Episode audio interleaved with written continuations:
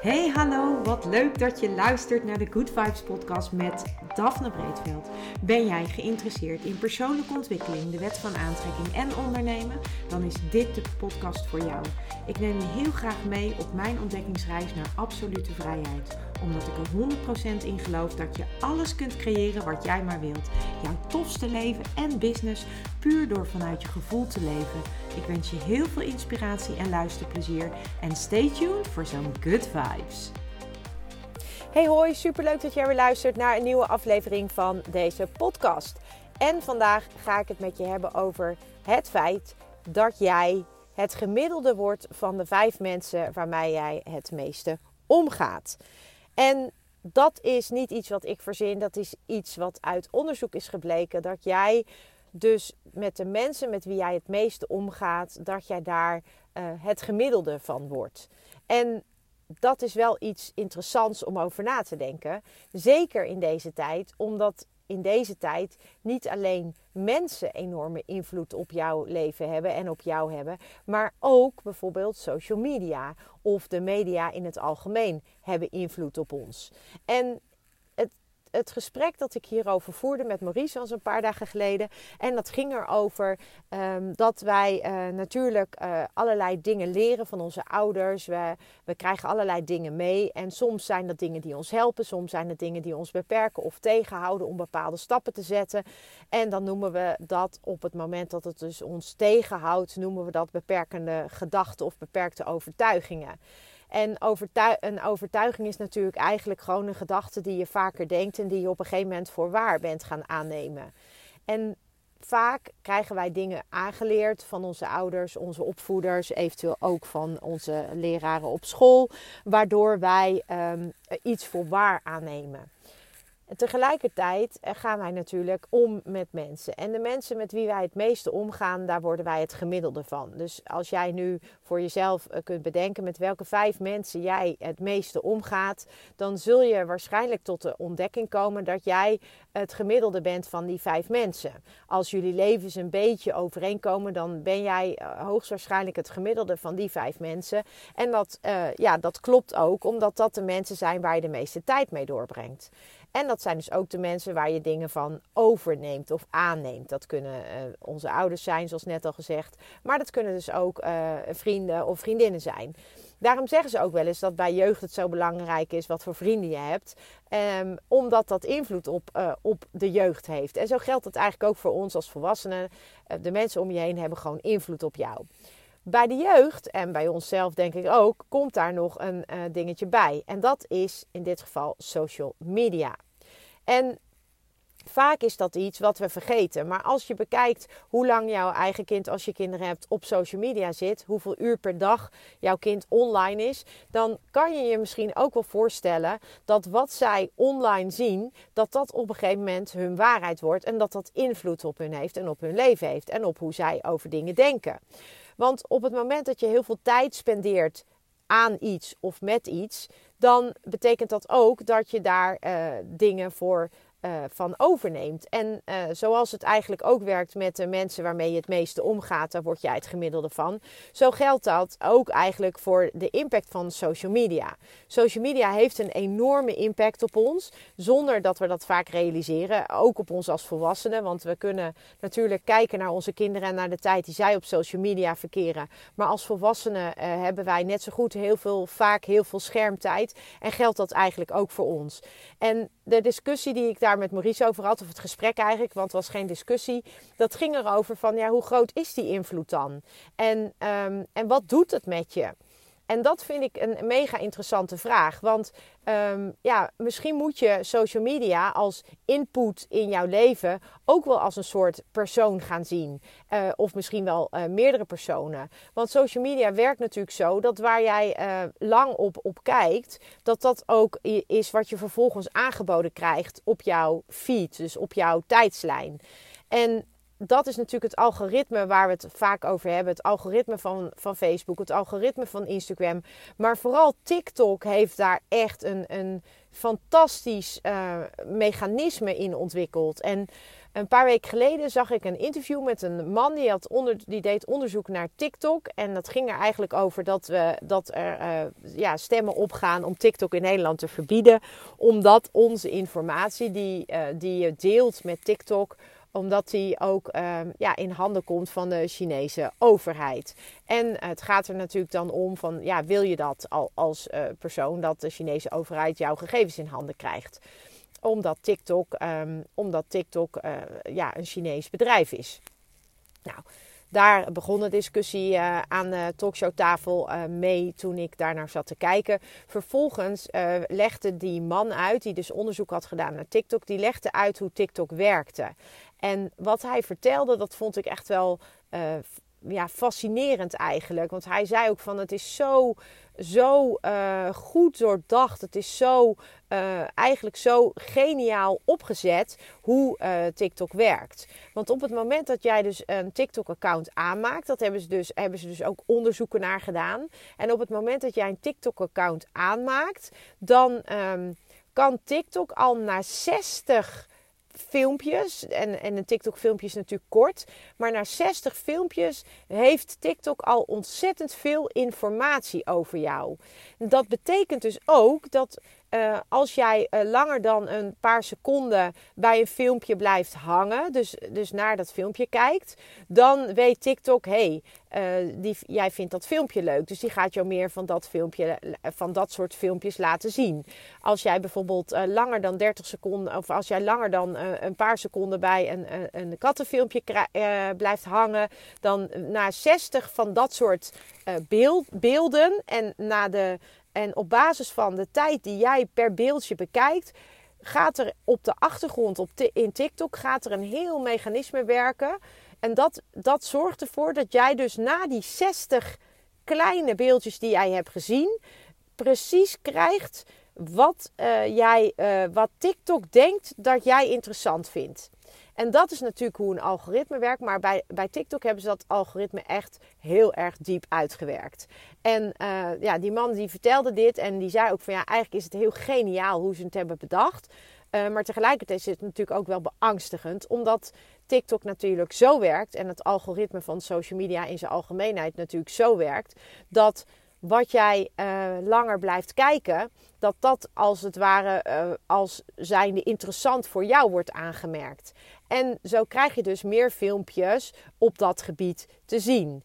En, uh, maar dat betekent dus ook dat jij eigenlijk een soort rabbit hole ingetrokken wordt van allemaal dat soort filmpjes.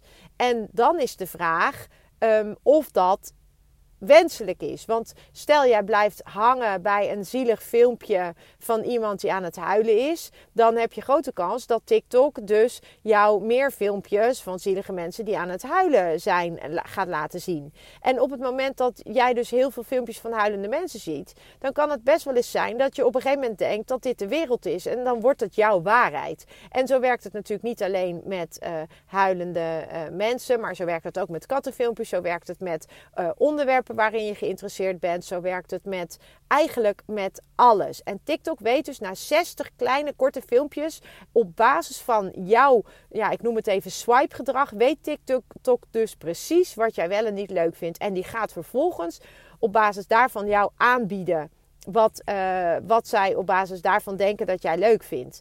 En daarmee heeft TikTok dus een enorme invloed op jou en op wat jij te zien krijgt en daarmee dus ook op jouw leven. En als jij dan dus een schermtijd hebt van 8 uur en jij ziet 8 uur lang voornamelijk um, kattenfilmpjes. Of jij ziet acht uur lang voornamelijk huilende mensen. Of jij ziet acht uur lang hele depressieve verhalen. Dan kan het best wel zijn dat jij dus daarin meegetrokken wordt. En dan word je als het ware die rabbit hole ingetrokken van dat onderwerp.